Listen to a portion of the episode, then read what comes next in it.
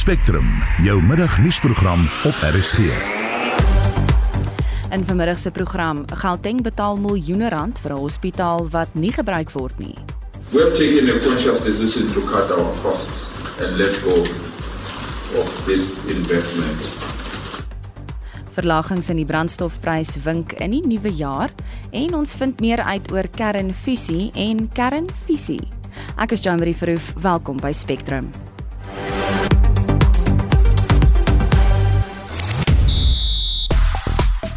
Die Gasierland vir aanstaande jaar se rugby wêreldbeker in chaos gedompel na 2 jaar vonnis teen Franse Federasie president Bernard Laporte toegedien is vir korrupsie en na gisteraand se meesterklas deur Lionel Messi. Wie sal vanaand 'n deurslaggewende rol speel in die sokker wêreldbeker halfeindstryd wanneer Marokko en Frankryk teen mekaar te staan kom? 'n Volledige bulletin volg net na 12:30. En die hitsmerk Fed Up with Load Shedding is al meer as 22000 uh, keer gebruik. Nou mense kla oor die volgehoue fase 5 beerdkrag wat mense se lewenseis en klein saakondernemings en besighede geweldige skade aandoen.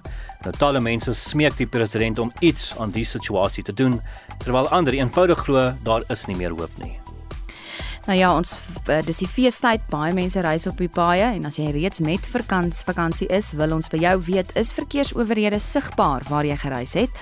Watter roekelose gedrag van motoriste het jou opgeval?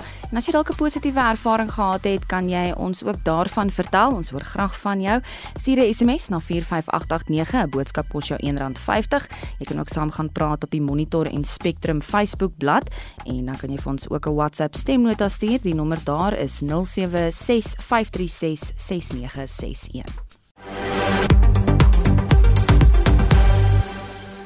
Dis nou 6 minute na 12 baie welkom by Spectrum. Die Gautengse regering het die afgelope jare miljoene rand verloor deur wanadministrasie, bedrog en korrupsie. Die premier Panyaza Lesufi sê van die 35 sake wat na die openbare beskermer verwys is, word nog ondersoek terwyl 3 al afgehandel is. Lesufi het gister besonderhede bekend gemaak oor 'n reeks ondersoeke wat die Anglo Gold Ashanti en Tembisa Hospitale insluit. Die spesiale ondersoekeenheid het ernstige onreëlmatighede in die toekenning van kontrakte vir die opknapping van die Anglo Gold Ashanti Hospitaal aan die Wesrand oopgevlek. Dis aan die begin van die pandemie as 'n COVID-19 fasiliteit geïdentifiseer. Die ondersoek het aan die lig gebring dat amptenare die departement van gesondheid mislei het deur aan te dui dat slegs geringe opknappings nodig is. This hospital skyrocketed to 588 million. The hospital cannot be utilized because it's not safe.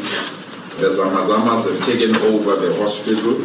We rehabilitated an institution at a value of 588 million, but we don't own that institution because the mine is refusing to hand over the property. We have taken a conscious decision to cut our costs and let go of this investment. Die vletjieblaser Babita Diokaran wat in Augustus 2021 in 'n sluipmoordaanval dood is, het die onregmatige toekenning van tenders van meer as 850 miljoen rand by die Hospitaal aan die Oosrand oopgevlek. When that statement was released that Babita compiled a name of companies that they wanted to investigate we were told that the senior finance officials denied that report existed. And through the investigation by uh, the SIU, indeed that report was found and it's confirmed. We're doing this to honor her legacy, uh, Babita. We're doing this to fulfill our commitment when she died that she would not die in vain and will do everything to protect her, that she remain a symbol of whistleblowing. Die geskorste Tembisa Hospitaal hoof is ook betrek by die bevindinge. We can confirm now that the SIU has found that the CEO at James Hospital at the time of the irregular procurement was responsible for authorizing purchase orders, request forms, which led to the irregular appointment of 13 service providers. And this finding is based on the 27 payment documents received and analyzed by the SIU.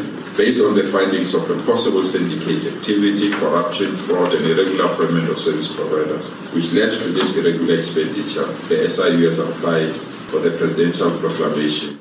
Die woordvoerder van die spesiale ondersoekeenheid, Kaiser Ganyago, sê hulle het aansoek gedoen vir 'n presidentsiële proklamasie in verband met die beweerde onregmatige besteding waarby die departement van gesondheid in Gauteng betrek word. Dit sal hulle meer magte gee om onder andere bates te bevries in hul ondersoek na beweringe van korrupsie. We have recommended that we want to have a proclamation in relation to investigation at the Timbisa Hospital, and the province has already confirmed that they are with us on that because we needed that confirmation to take it to the president as we speak. The proclamation has been put together so that it can now go to Department of Justice and then ultimately to the president, so that we can have our full powers. Because when we are on a secondment, we don't have our full powers, even after we found the things we cannot now go to the courts and get the money back, but we can do that when there's a proclamation. Die Gautengse departement van vervoer het 'n forensiese ondersoek na beweringe van bedrog en wanadministrasie by bestuurslisensies toetsentrums laat doen. Lusufi sê onder die bevindinge was bedrieglike oogkundige sertifikate en geld wat in rekeninge van oorlede persone inbetaal is. Hy sê strenger maatreëls sal ingestel word. Hierdie verslag is saamgestel met die hulp van Paul Magubane en ek is Justin Kennerly. Ons bly by die Anglo Gold Ashanti Hospitaal aan die Wesrand en die DA skadu LR vir gesondheid in Gauteng Jack Bloom sê die projek was van die begin af verdoem. It was a very bad political decision, frankly, to take a hospital in an isolated area and uh, convert it into 181 ICU beds. It's in the wrong area. There wouldn't have been enough staff for it. So I think in the first place, it was a bad political decision. Now, Premier Lesoufi is blaming uh, corrupt officials for the project ballooning from 50 million Rand to nearly 600 million Rand. But the DA pointed out the flaws in this project right from the start. Hy beskou die destydse belegging in die hospitaal as 'n mors van geld. Can you imagine what we could have done with close to 600 million rand in improved health system? So toe vra ek hom, Well, our existing hospitals are all poorly maintained, and we also need some new hospitals. There's been a, a big call for an extra hospital in Kempton Park, Tembisa. Uh, you know, that sort of money could have gone a long way to, to building an entire new hospital, but uh, it's just gone down the drain. And now the provincial government is admitting it, but in fact, uh, I warned them time and again right from the start why are you spending money on a property that you don't even own? Nou word daar volgens Bloem oor en weer vinger gewys terwyl die regering in die eerste plek 'n beter oorsigrol moes speel. Bloem bevraagteken ook die wettigheid van die investering. I asked them if they had received a legal opinion on it, and they hadn't even done that. Yes, of course, there was corruption involved, and that's being investigated. But uh, I think that it was a terrible mistake for the provincial government to have even contemplated using this hospital Premier Panyaza Lesofie het boonop onlangs gesê dat onwettige buitelanders, bekend as Zamazamas, die geriewe beset. Security was always going to be an issue in that area, and there's been thefts, and now they're saying, well, it's too dangerous. Well, why didn't they do that assessment in the first place? Uh, they could have taken existing hospitals in the West Rand, like Neratong, Yusuf Dadu, and Carltonville Hospital. Instead, they decided to pour money into uh, a mine hospital in an isolated area. Bloem sê korrupte kontrakteurs wat munt geslaan het uit die projek moet die geld teruggee en dat van die toerusting reeds na ander hospitale geneem is. Uiteindelik is al volgens hom maar 147 COVID-19 pasiënte hier behandel. It wasn't just a white elephant, it just became a ghost hospital, and now, of course, they don't know what to do with it. Uh, I think it's the right decision for them to have walked away from it because nothing you could do there, but it was a bad decision that should never have been taken in the first place. Dit was die Gautengse skadu aan die erf vir gesondheid Jack Bloem. Marlene Forsie is ikonies. Die verbruikersprysindeks het effens gedaal van 7,6% in Oktober tot 7,4% in November. Dr Chris Harmse, 'n ekonoom van Sequoia Capital Managers, sluit nou by ons aan. Goeiemiddag Chris. Middag Jamie. Nou wat wys die syfers vir ons? Ek dink twee goed. Uh die eerste een is dat die inflasie siklus is besig om te daal en ons kan verwag in die volgende paar maande dit nog verder gaan daal. Maar dat in dieselfde asem dit is 'n baie stadige daling. Die tweede die tweede die tweede aspek is dit wys ook vir ons is dat dit wat inflasie veroorsaak is aan die koste kant en dit eintlik niks te doen met die uh uh effek wat 'n verhoging in die rentekoers kan hê op hierdie inflasiekoers. Dit wys dit nou weer vir ons onopbonde. Chris, kan jy vir ons 'n bietjie uitbrei daaroor wat het bygedra tot die daling? Goed, ek dink ons ons het ons het 'n bietjie 'n stadiger stygings gehad. En veral uh natuurlik uh die ehm um, vervoerkoste. Hy hy jaar op jaar net 15.3 gestyg terwyl dit in die vorige maand hier by 17% gestyg het. Dieselfde met uh, voedsel en alkoholiese dranke het hy uh, by die uh uh, amper 14% gestyg jaar op jaar in die vorige maand en nou 12,5% uh jaar op jaar. En dieselfde met die sogenaamde huishoudelike uitgawes. Jy weet jou huishoudelike uitgawes is die grootste in die mandjie. Uh want dis waar jy natuurlik jou huur of jou verband betaal en natuurlik dan jou uh al jou heffings, dis jy dit spyt water en so voort. Hulle het ook stadiger gestyg, net 4.3% per jaar. So die drie hoofitems uh wat onderskeidelik vervoer 2.2% van die 7% bydra, uh voedsel 2.1% van die 7.4 en huishoudelike uitgawes 4.3. Hulle by uh aksies 1.1 en hulle by mekaar tel is dit hier oor die 5% van die 7.4. Hulle het 'n bietjie let dit wel stadiger gestyg. Hulle het nie gedaal nie, hulle het net stadiger gestyg en daarom het ons hierdie ehm uh, effek op die inflasiekoers. En en die kospryse hou ook net aanstyg. Ja, kyk kyk kyk kospryse uh, weet hou aanstyg. Ek bedoel 12,5% uh tussen 12.5 en 13.5 is nou in die laaste jaar elke maand uh, uh op die vorige jaar. Ja, moet jy weet as jy as jy 12.5% stygings het uh elke jaar, dan verdubbel pryse elke 7 jaar. En en ons sien dit mos nou. Ek bedoel vat net die prys van brood oor oor wat tussen 6 en 7 jaar as voedsel so aanhou gaan styg dan behoort dit te verdubbel. Uh en dis maar ongelukkig die groot effek wat op dit op die verbruiker het. Chris, kom ons verskuif die fokus 'n bietjie na die brandstof uh pryse. Hoe staan dinge op die oomblik? Ja, ja maar aan die een kant goeie nuus. Ons het gesien dat sedert die einde van November, uh, ek sê alreeds einde Oktober, het die olieprys stelselmatig begin te daal van omtrent 96 dollar tot aan die einde van verlede week so laag as 76 dollar. Dan oor 'n volle 20 dollar. Dieselfde tyd het ons ook gesien dat die rand uh alhoewel hier en daar 'n bietjie 'n wankelerig is besig om in 'n mate weer af te begin beweeg na die rigting van R17 per dollar. So daai twee effekte het verlede maand veroorsaak dat ons dieselprys met 157 sent gedaal het. Petrol ongelukkig met 59% gestyg het. Maar kom ons kyk wat het gebeur sedert daai aankondiging waarop die berekening gedoen was op uh, die 2de Desember. Van die 2de Desember tot dan die 13de September, uh, September, so dis amper 2 weke, is amper die helfte van die maand. Dis ons reeds oorverhaal op diesel met al mintige 311 sent. Inteendeel ons is twee dae gelede nog op 342 sent. Nou wat ek vir julle sê, as die die rand op sy huidige vlakke gaan bly en ek sien dit volgende nog nog verder verstewig na 17 rand en 16 uh, en die olie bly 80 dollar en laer. Ons het net 'n bietjie gestyg, maar ek dink dit is net 'n kwessie van tyd tot Amerika vanmiddag hulle hulle nou finaal besluit oor rentekoerse gaan ons min of meer R3 minder betaal vir diesel. Ja, dit beteken in 2 maande betaal die boere en alle ander mense wat diesel ry, weet 'n volle R4 en 57 sent minder wat 'n groot effek gaan hê. Natuurlik op petrol gaan die mense wat petrol ry ook hierdie keer 'n bietjie glimlag. Op hierdie stadium is omtrent so R1.92 sent wat ons gaan goedkoper betaal. Mits die olie bly waar hy bly en mits die rand waar hy bly waar hy nou is. Nou die vooruitskattinge is dat die olieprys sal eerder nou beweeg in die rigting van 70 dollar as dit terug aan 90 dollar toe. En alle aanduidinge is dat die rand waarskynlik gaan verder verstewig in die volgende maand of so. So hierdie die prys kan nog baie beïnvloed word.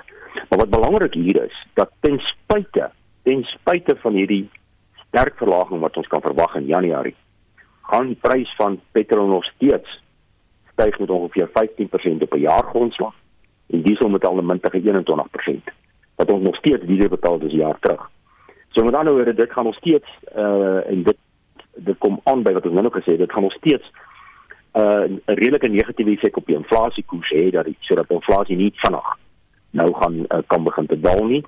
Uh en dat ons eers uh dit as baie stadige stygings in voedselpryse uh sien deurkom. Uh, so ons kan ons maar klaarmaak dat ons inflasiekoers nie vinnig by daai boonste teiken van 6% van die Reservebank gaan kom nie. Baie dankie Dr. Chris Harmse, hy's 'n ekonom van Sequoia Capital Managers. Nou die ANC se 55ste nasionale konferensie begin Vrydag in Gauteng. Dit kort nadat president Cyril Ramaphosa 'n mosie van wantroue teen hom in die parlement ontduik het en vir meer hieroor praat ons nou met professor Dirk Kotse aan Unisa. Goeiemôre prof. Goeiemiddag, baie dankie. Prof, voordat ons by die verwagtinge uitkom, herinner ons net weer wat die doel van die konferensie is. Wel, die konferensie vind elke jaar 5 jaar plaas. Dis in terme van die ANC se grondwet moet dit plaasvind. Dis hulle hoogste besluitnemende uh konferensie. Uh so dis die konferensie waarin hulle topleierskap, dit beteken die top 6, die president, die adjunkpresident, die sekretaris-generaal en die adjunk en die tesourier-generaal plus die 80 lede van die nasionale uitvoerende komitee waar hulle gekies word. Tweedens is die konferensie die uh, hoogste besluitnemende liggaam as dit kom oor beleidsake. Uh, so dit kan met beleid in terme van die ANC se eie organisatoriese beleid oor hoe hy homself organiseer, maar ook beleid in terme van ons het nou net gehoor ekonomiese sake, gesondheid, opvoeding, sport, buitelandse sake, al daardie aspekte. Wie neem almal deel aan die konferensie? Die die 90% van die afgevaardigdes is mense wat van direk van die takke van die ANC kom. Dan die ander 10% is die nasionale uitvoerende komitee, die top 6 en dan van elke provinsie is die voorsitter en die provinsiale sekretaris kan uh, kan daar wees. Sowel as van die drie ehm um, uh, ligas, die vroue liga, die jeugliga en die veterane liga, het hulle ook 'n groep afgevaardigdes. So dit is dit sluit dus nie mense in van byvoorbeeld die kommunistiese party van Kusate of van ander liggame wat een of ander verband met die ANC het nie. So kom ons gaan terug na die party se provinsiale takke. Hoe 'n belangrike rol speel hulle in die konferensie? Uh, Wel, soos ek sê, dis 90% van die afgevaardigdes, dit kom van die plaaslike takke af. Ehm um, en dit beteken hulle is die mense wat stem. Hulle het die stemreg vir die kies van die die leiers van die ANC sowel as om die besluite te neem oor wat die ANC se beleid as party en by implikasie is hulle op die oomblik die regerende party so dit spoel oor na die regering in die, in die algemeen ook dat dit uh, dis hulle die wat die besluite daaroor neem. Is al die provinsies gereed hiervoor? Die provinsies is klaar, dis die uh, afgevaardigdes is klaar geïdentifiseer ehm um, So daar is nie ek dink dit gaan nie so seer net oor die provinsies nie. Kyk daar twee provinsies wat problematies was. Die Weskaap is die een waar die ANC glad nie 'n provinsiale konferensie gehad het nie. Ehm um, en die ander een is 'n uh, ehm um, is Noordwes provinsie uh, waar hulle 'n uh, 'n taak span het en nie 'n provinsiale uitvoerende komitee nie. Ehm um, van die ander provinsies het het ook soortgelyke situasies soos die Vrystaat maar hulle het hulle provinsiale konferensies voor die tyd gehou. So uh, na die opsig, ja, is hulle is, is, is die die organisatoriese aspekte is afgehandel. Kom ons praat Pala Pala, die parlement het besluit ons nie genoeg rede om die president um, in 'n staat van beskuldiging te plaas nie. Watter impak gaan dit hê uh, op die uitkomste? Ek dink ons kan geen uh, impak nie. Um, ek moet ook net sê julle het ingelei as 'n mosie van wantroue. Dis nie wat dit is nie. Dis dis 'n so staat van aanklag of uh, impeachment in Engels wat uh, wat meer van 'n uh, um, semi-regsproses is as 'n mosie van wantroue wat uitneem 'n politieke besluit is. Ook die meerderheid wat nodig is is 'n 2/3 meerderheid teenoor 50% plus 1 vir 'n mosie van wantroue. Maar ehm um, die feit dat dat dit afgestem is, die paneel se verslag beteken dat die impeachment proses tot 'n einde gekom het. Um, en dit het nou weer vir pre president Ramaphosa 'n ruimte geskep um, om te die ondersteuning wat hy vooraf reeds gehad het uh, veral van die takke wat hom genomineer is en dis omtrent 70% van die takke. Um, dat dit dink ek gaan nou uh, gerealiseer word in die vorm van die verkiesing wat daar gaan plaasvind. Baie dankie, dit was professor Dirk Kotse aan Unisa. Jy luister na Spectrum op RSG. Half 1 en in die nuus, ons is een stap nader aan goedkoop byna onbeperkte krag en wie is die beste sokkerspeler van die huidige generasie? Una Karelse gee binnekort sy antwoord. Bly gerus ingeskakel.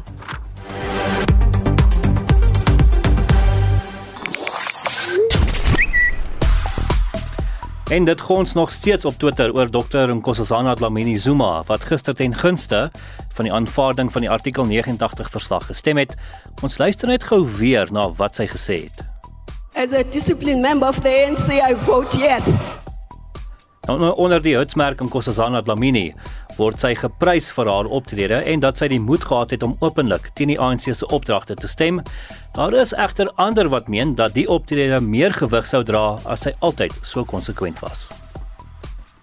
En uh, ons vra julle vandag oor julle ervaring op die paaie sover tydens die feestyd en kom ons luister bietjie na wat julle met ons deel op die WhatsApp lyn. Die geweldige hoeveelheid ongelukke en ongedissiplineerde gedrag is net nog 'n uh, duidelike demonstrasie van die algemene kultuur van ongedissiplineerdheid en negatiewe houding rondom wetsgehoorsaamheid en wetstoepassing wat deur die hele land heers. Ja, mens luister maar so na die ongeluk dan koes. Maar ek wil net sê hier en daar tel geen verkeersreëls nie. Elke ou maak soos hy wil. Ja, nee, ek is 'n trokdrywer. Die karre steek verby op sperstrepe. Karre die uh, saak wat hulle doen nie. En dan beskuldig hulle ons trokdrywers vir die ongelukke. En dan die taksies, taksies hier in die Kaap. Ooh, taksies vat kanse. Ja hier vanaf Hermanus Sandpaai. Hier wil ek vir julle sê hier is die verkeersmense op die bol. Waag jy ry sonder jou veiligheidsgordel, is jy R5000 armer. Jy kan ook nog saampraat, vertel ons van jou ervaring op die paaie. Eh, jy kan 'n SMS stuur na 45889. Onthou 'n boodskap kos jou R1.50. Jy kan ook op Facebook saampraat en natuurlik kan jy vir ons 'n WhatsApp stemnota stuur. Dis 0765366961. Tyd vir sportnuus met Udo Karelse. Ons begin met rugby nuus waar Frankryk die gasheerland vir volgende jaar se wêreldbeker in chaos gedompel is. Die federasie president Bernard Laporte het 'n 2 jaar opgeskorte vonnis ontvang van 'n hof wat besluit het dat hy skuldig is aan korrupsie. Die verhoor wat in September reeds voltooi is, het bevind dat Laporte voorkeur gegee het aan die maatskappy wat as treiborg aangestel is vir Franse rugby. Die hof het verder bevind dat Laporte skuldig is in 4 uit 5 klagtes van omkopery teen hom. Sy mede-beskuldigde, die eienaar van Montpellier Rugby Club, Moed Altrad, is ook 'n opgeskorte vonnis van 18 maande opgelê.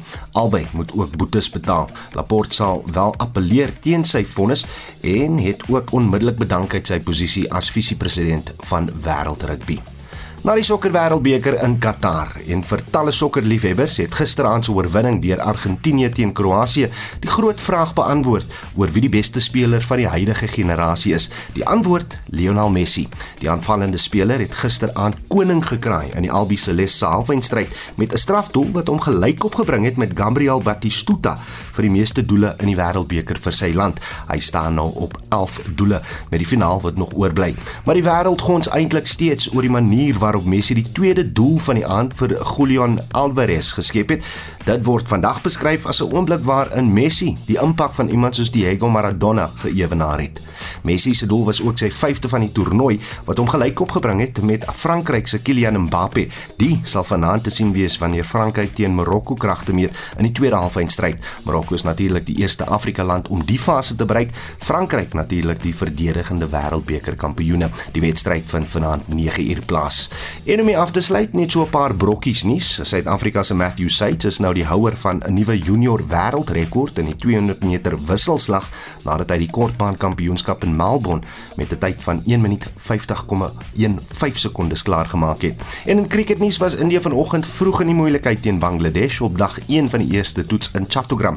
India het die lood gewen en besluit om eerste te kolf en was binne 20 balbeurte met die telling op 48 vir 3. Taijul Islam met twee pakkies en Khalid Ahmed met een het die deurslaggewende deurbrake gemaak en daardie sportverslag van Oudo Karelse.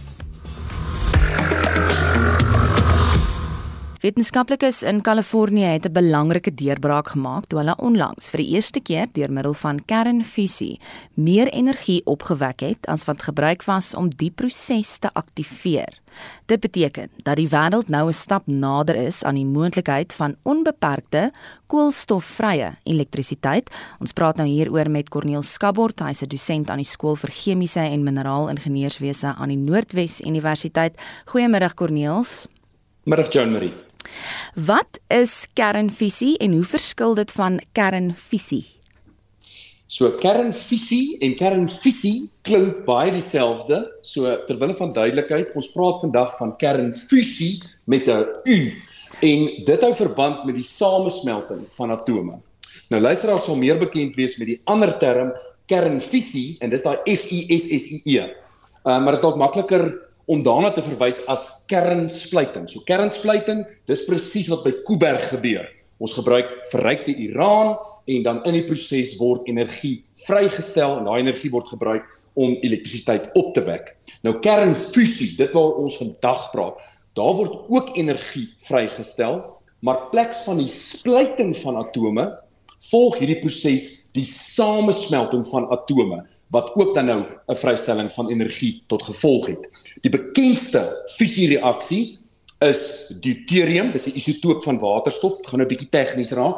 Deuterium wat een proton, een neutron en een elektron het en dan aan die ander kant sit jy met tritium, een proton, een elektron en twee neutrone en hulle smelt dan saam en dan vorm 'n mens helium, daai gas wat jy by die restaurante kry vir die kinders. Jy vorm dan daai helium en dan word dan nou 'n groot hoeveelheid energie vrygestel. Nou hierdie proses, kernfusie, dis presies wat plaasvind in die son op 'n volhoubare permanente uh tydstip dit vind plaas. Dan sien ons kernfusie daar plaasvind en in die ruimte is dit wonderlik, dis maklik, maar dit is 'n hoë temperatuurproses. So om dit op aarde te kan doen, het jy temperature van oor die 100 miljoen grade Celsius nodig en dis hoekom dit bietjie van 'n uitdaging is om dit reg te kry.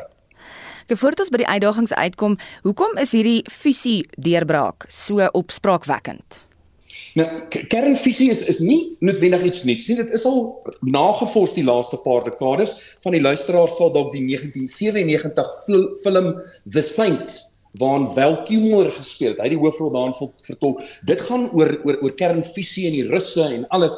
Nou, dit is al suksesvol uitgevoer wêreldwyd. Die probleem is net tot dusver was al die eksperimente wat gedoen is, het gepaard gegaan met 'n hoër energie inset as die energie uitset. So met ander woorde, jy sit meer energie in as wat jy uitkry. En nou wat nou in die FSA reg gekry is, vir die eerste keer kon hulle hierdie reaksie doen en daar was meer energie uit dit uitgehaal as wat met die lasers ingesit is om dit te kan doen. So 'n voordeel van die gebruik van kernfusie is dat dit kernafval verminder. Wat is van die ander voordele? So koolstofvoetspore is baie laag uit die aard van die saak het natuurlik koolstofdioksied wat vrygestel word in die vervaardiging van hierdie aanlegte, maar maar dis die een ding, tweedens jou enigste byproduk is helium. Um en dit is nie radioaktief nie. Deuterium is redelik gereedelik beskikbaar. Jy kry dit uit die seewater uit tritium, daar's maniere om dit te vervaardig. Dit is 'n bietjie van 'n uitdaging, maar ek dink die groot ding is as hulle dit kan regkry, sit jy met volhoubare energie sonder radioaktiewe afval wat die geval is by kernspluiting of dan nou fisie, die SSIE, daai ene. En dan net 'n ander ding wat ek wil sê, net dink julle luisteraars verstaan wat is die voordeel hiervan as hulle dit sou 100% regkry. Jy gaan dieselfde hoeveelheid energie kan vrystel met 1 kg fusiebrandstof as met 10 miljoen kilogram fossielbrandstof. So hy's baie meer effektief vir energieomsetting. So met ander woorde, dit kan eintlik die hele energielandskap verander. Absoluut. Hierdie kan genoeg energie vir die hele wêreld voorsien, baie goedkoop. Jy klein volumes nodig, baie energie daaruit, maar jy is bepaalde uitdagings wat hiermee gepaard gaan. Corneels die tegnologie vir kernfusie is is nog nie ver gevorderd nie. Kan jy ons 'n bietjie ver, meer vertel van hoe die tegnologie werk? Nou ek gaan dit nou nie so tegnies verduidelik nie, maar dit werk of met dit werk of met lasers of met elektromagnete want jy kan jouself indink daar's geen materiaal op aarde wat 'n reaksie kan laat plaasvind by 100 miljoen grade Celsius nie. Ek bedoel enige materiaal sal smelt. So so daai gaan nie werk nie. So wat hulle dan doen is hierdie reaksie moet binne in 'n area, 'n plasma area moet dit plaasvind en dit doen hulle dan nou met hierdie lasers of elektromagnete. Die ander probleem is hierdie is nou 'n wonderlike deurbraak, maar maar kom ons verstaan ek wonder nie dink want toe reën om die parade, maar ek bedoel hoeveel energie is dan nou regtig geskep? 0,4 megajoule. Dit klink baie. 0,4 megajoule is 0,1 kilowattuur. So met ander woorde, dit is 'n tiende van 1 eenheid elektrisiteit. So jy sal die ketel kan kook en dalk nog 'n keer die ketel kan kook. Dis hoeveel energie geskep is. So die die, die ding is die dis klein stappies. Dis klein stappies. So die groot probleem is is hierdie uitdagings waarmee gesit word om hierdie op groot skaal ekonomies volhoubaar te kan doen. So dis 'n belangrike deurbraak maar nog 'n lang pad ehm um, voordat ons dit hier in Suid-Afrika moontlik kan oorweeg. Ja, die die klassieke sêding in die wêreld van kernfusie is oor 10 jaar. En as jy my oor 10 jaar gaan vra hoe ver is dit, dan gaan ek vir jou sê oor 10 jaar. So hy hy, hy bly net so af in die pad. 10 jaar, 10 jaar, 10 jaar. Dis amper soos ons projekte met Eskom. Maar in elk geval, vir Suid-Afrika, ons is nie die groot leiers in terme van navorsing in hierdie gebied nie. Daar's uit die aard van die saak die Chinese, die Europeërs, die Amerikaners. As hierdie deurbraak kan realiseer en ons kan volhoubare energie op hierdie wyse voorstel en dit is dit is wat hulle sê dit is. Um tyd sal leer, maar as dit kan realiseer, ek bedoel dit sal vir die hele wêreld voordelig wees. Maar my eerlike opinie, kom ons wag nog so 20, 30 jaar en mag gesels ons weer. Ek sal nie vir nou my asem ophou nie, maar dit is positiewe nuus. Dit is bietjie iets anders en dit is my wonderlik dat ons nie vandag oor beurtkrag hoef te gesels nie. Vir ons net so wonderlik. Corneel Skabort, hy's 'n dosent aan die skool vir chemiese en mineraalingenieurswese aan die Noordwes Universiteit. Die adjunkt burgemeester van die eThekwini Metro in KwaZulu-Natal, Pilani Mavundla, is uit sy amp verwyder. Dit na 'n koalisie tussen die Abantu Batu Congress en die ANC tot 'n skielike einde gekom het. Die ANC beweer Mavundla het onderpresteer in sy kapasiteit as voorsitter van die portefeulje vir menslike nedersettings en infrastruktuur. Hier is die ANC raadslid Tandukolo Sabela. The voters hold the ANC to account. But if the ANC cannot account for 90% of the budget of the city, how is it expected to account to the voters of this municipality? Therefore, the ANC is doing the right thing by changing its executive and placing members which it believes will be able to account to the African National Congress. Mavundla behou sy posisie as raadslid in die eThekwini Metro, maar sy dae as adjunk burgemeester is vir nou eers getel. Hy sê egter hy oorweeg om sy verwydering in die hof te beveg.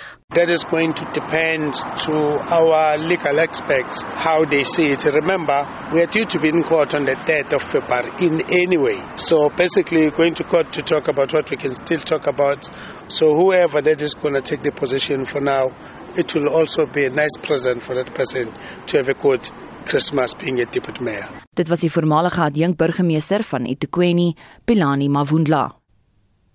Intussen vra die Suid-Afrikaanse Bloeddiens dat mense gedurende die feesseisoen moet bloed skenk. Die mediese direkteur by die Bloeddiens, Dr Karen van der Berg, sê daar's 'n groot tekort aan bloed in die O en B groepe. Die tekort is deels as gevolg van die feit dat ons hierdie laaste tyd van die jaar, November, Desember, nie by die skole en by die universiteite en so meer kan gaan bloed kollekteer nie, want die kinders is uiteraard besig om eksamens te skryf. En verder is dit ook dat mense nou begin met vakansie gaan en mense wat vakansie hou is nie aldag lus om bloed te skenk nie. So dit veroorsaak vir ons regtig 'n groot probleem dat ons nie genoeg skenkers het om te sorg dat ons hulle voorraad het nie. En Karen, hoe groot is die nood? Volgens die Wêreldgesondheidsorganisasie is dit ideaal dat 'n land so 5 dae se bloedvoorraad het. Heidiglik sukkel ons om die bloedvoorrade bo 3 dae te hou. So vir ons op die oomblik is die nood regtig groot. Die ideaal is vir ons om Desember te begin met so 5 dae se voorraad. So vir ons om Desember te begin met 3 3.5 dae se voorraad is regtig 'n probleem. Ek dink dit is belangrik om ons mense net herinner hoekom dit belangrik is om bloed te skenk. Jy weet, soos wat ons op die oomblik op die paaie reis met vakansie, weet ons nooit wanneer een van ons dalk in 'n ongeluk gaan wees, een van ons geliefdes dalk in 'n ongeluk gaan wees of skielik gediagnoseer word met 'n toestand waarvoor bloed nodig is nie. En om seker te maak dat daar vir elkeen van ons, ongeag waar ons is in die land, wat ons oorkom, dat daar genoeg bloed is, is dit regtig belangrik dat ten minste 1% van ons bevolking gereelde bloedskenkers is. Karen praat met ons oor bloedplaatjies skenkings vir kankerpasiënte. So dit is nou natuurlik 'n ander area wat ons 'n uh, groot tekort het. Ons het vir sekere pasiënte, veral kankerpasiënte, pasiënte wat orgaanoorplantings ondergaan, het spesifieke tipe plaatjies nodig. Hierdie plaatjies kollekteer ons deur 'n masjien te gebruik wat die bloed wat van die skenker afkom, sentrifugeer en dit word dan in die drie verskillende lae geskei en dan trek ons die plaatjies af. Dit is die beste produk vir hierdie pasiënte is hierdie tipe van plaatjies. En ons het heidaglik waarskynlik hier in die omgewing van 'n tekort van omtrent so 2000 plaatjies produkte 'n jaar. So dit is ook iets wat mense baie gereeld kan skenk, maar dit beteken ook dat as een skenker minder gereeld skenk dat daar regtig 'n groot tekort is. So vir daai skenkers wat groep A en groep AB is, daai bloedgroepe het ons nie so verskriklike tekort aan vir die heelbloed nie maar daai skenkers maak uitstekende plaatjies skenkers. En is daar steeds 'n gebrek aan bloedstamselskenkers? Och, dit is baie groot tekort, veral onder ons vorige agtergeblewe gemeenskappe. Op hierdie stadium as jy 'n swart of 'n kleurling pasiënt is wat 'n stamseloorplanting benodig, is jou kans om 'n skenker te kry wat by jou gaan pas omtrent 25% indien nie minder nie. So die Suid-Afrikaanse Beenburg Vereniging het regtig 'n tekort aan hierdie skenkers. So ons wil baie graag 'n beroep doen op almal wat nog jong van gees en nog van lyf is om te oorweeg om stamsel skenkers te word. En dis dokter Karen van der Berg, die mediese direkteur by die Suid-Afrikaanse Bloeddiens, het met Vincent Mofokeng gepraat. Vanmiddag se sake nuus word aangebied deur Robert Cameron Huys, 'n portefeuljebesitter by Fisher Dugmore Sekuriteite. Goeiemôre Jan Marie, goeiemôre luisteraars. Daar die plaaslike mark is um, heelwat swakker vandag uh, en dit is dan maar basies in afwagting op die Amerikaanse Federale Reserve Raad se rentekoers aankondiging wat vanaand gedoen word. Alle indikasies is dan dat hulle in 'n uh, kleiner uh rentekoers uh stappe dan jy weet hulle aanpassing gaan doen vorentoe. Die indeks vir alle aandele op hierdie stadium hy is swakker met so 1,5%. Die uh top 40 indeks hy is swakker met 1,6%. Die Oberon indeks loop behoorlik deur af met uh 3,2%. Die fina, die Nasdaq indeks hy swakker met so 1,7% en die finansiële indeks verbeter met so 0,7%. Dan ons kyk net enkele aandele in plaas hy is af met so 6,2% 1483 rand.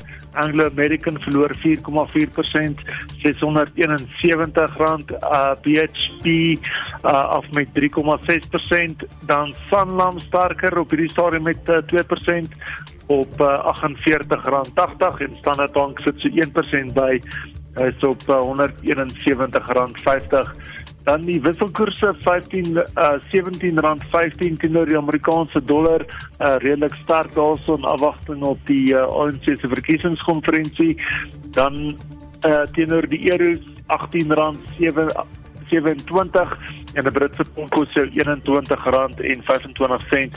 Die kommoditeite, die goudprys uh, 1 uh, 1808 dollar per fyn ons platinum prys 1035 dollar en die Brent olieprys hy's weer oor die 80 dollar kers op 81 dollar 50 per vatjie. Internasionaal sien ons uh, in Europa die FTSE inwers in Londen swakker met so 0,3%. Die DAX in Frankfurt verloor 7.07% en so ook die CAC 40 in Parys af met 0.7%. Die S&P termynmark op hierdie stadium redelik onveranderd en ek dink is man afwagting op die uh, rentekoersbesluit uit Amerika later vanmiddag. Baie dankie dis einde van die sake nuus. Dit was Robert Cameron van Fisher Dugmore Sekuriteite. Gautengers is warm onder die kraag nadat die Gautengse departement van gesondheid sy rug draai op 'n hospitaal waarin bykans 6 miljoen rand belê is. Marlene Forsie hou die en ander ontwikkelende stories vir ons dop. Ja, 'n uh, hospitaal is opgeknap daar om COVID-19 pasiënte te behandel. Nou, premier Panyaza Lesufi was baie ontevrede met wat daar gebeur het. Hy sê die hospitaal is oorgeneem deur onder meer Zamazamas en dat hulle uiteindelik nou maar net moes gesê het tot hier toe nie verder nie hulle onttrek. Die hospitaal behoort ook nie aan die regering nie. Dit behoort aan 'n goudmyn in die omgewing of 'n myn. Intussen sê die DA se skadu LER vir gesondheid in die provinsie Jack Bloom, dit was al van die begin af 'n mislukking. Nou in 'n vroeë onderhoud wat jy op Spectrum gehoor het, praat hy oor die verskeie redes wat hy hiervoor aanvoer en hy sê die geld kon gebruik word om 'n nuwe hospitaal te bou wat baie belangrik is of nodig is in Kempton Park daar in Gauteng. Ehm um, wat ekonomiese be kwessies betref, is daar moontlik goeie nuus wat die brandstofprys betref.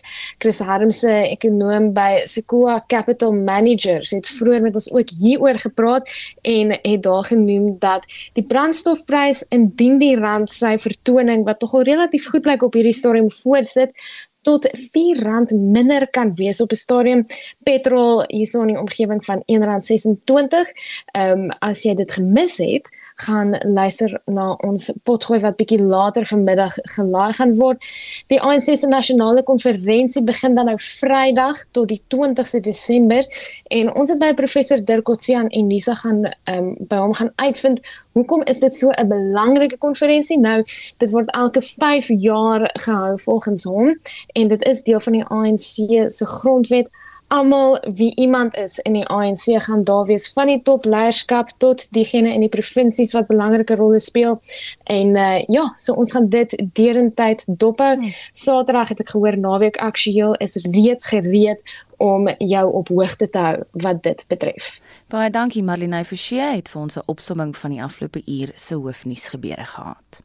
Nou ja, daar's 'n paar minute oor om 'n bietjie van julle terugvoer te lees. Die vraag handel oor die jou ervaring op die paaie hierdie feesseisoen en iemand uit Bredasdorp Johan Burger skryf die verkeerspolisie in die Wes-Kaap is uiters sigbaar. Dit sluit plaaslike roetes as ook hoofroetes in. Op die N2 inkomend by Grabouw beman die provinsiale verkeersamptenare 'n voertuigbeheerpunt en met vla verwelkom besoekers hulle aan die Kaap of verwelkom hulle besoekers aan die Kaap Kaap. Ons het groot waardering vir hierdie amptenare wie die baie veilig hou. Dis Johan van Bredasdorp wat so skryf en dan in Hermanus um, sê hy sien ons elke dag klomp verkeersmanne en vroue beste verkeer in die land. Dan op Facebook skryf Alta van die Westhuizen vir ons taksies moet meermale gestop word en nagegaan word want hierdie tyd van die jaar jaag hulle nog meer van punt A na B en hulle is gewoonlik oorlaai. Spoed speel ook 'n groot rol en sy sê geen bribes. Dis Alta van die Westhuizen wat so skryf op Facebook. Arina Olivier sê nee, mense vat kansse en dis dikwels diegene met onpadwaardige voertuie. Gister vanaf die Noord-Kaap Kaap teruggekeer na die Vrystaat paaie is heelwat slegter en sy sê dis as gevolg van daai swaar reën die afgelope paar dae. Ronaldo Rand skryf ook op Facebook vir ons op die N2 tussen Pongola en Richards Bay is dit lewensgevaarlik want almal ry soos hulle wil. Ons verwag baie noodlottige ongelukke. Ons waardeer die saampraat. Onthou julle kan nog steeds saamgesels. Vertel ons van jou ervaring op die paaie. Ehm um, positief, negatief, ons hoor graag van jou. Jy kan vir ons 'n SMS stuur, dis 45889 R1.50 per boodskap. Jy kan saampraat op WhatsApp en ook op Facebook. Maar nou ja, onthou ook vorige uitsendings van Spectrum en al RSG se nuus en aktualiteitsprogramme is beskikbaar op Potgooi. Jy gaan net na RSG se webblad by www.rsg.co.za. En daarmee groet ons namens ons uitvoerende regisseur Nicoline de Wee. Die redakteur vandag was Justin Kennerly en die produksieregisseur Johan Pieterse. My naam is Jean Marie Verhoef.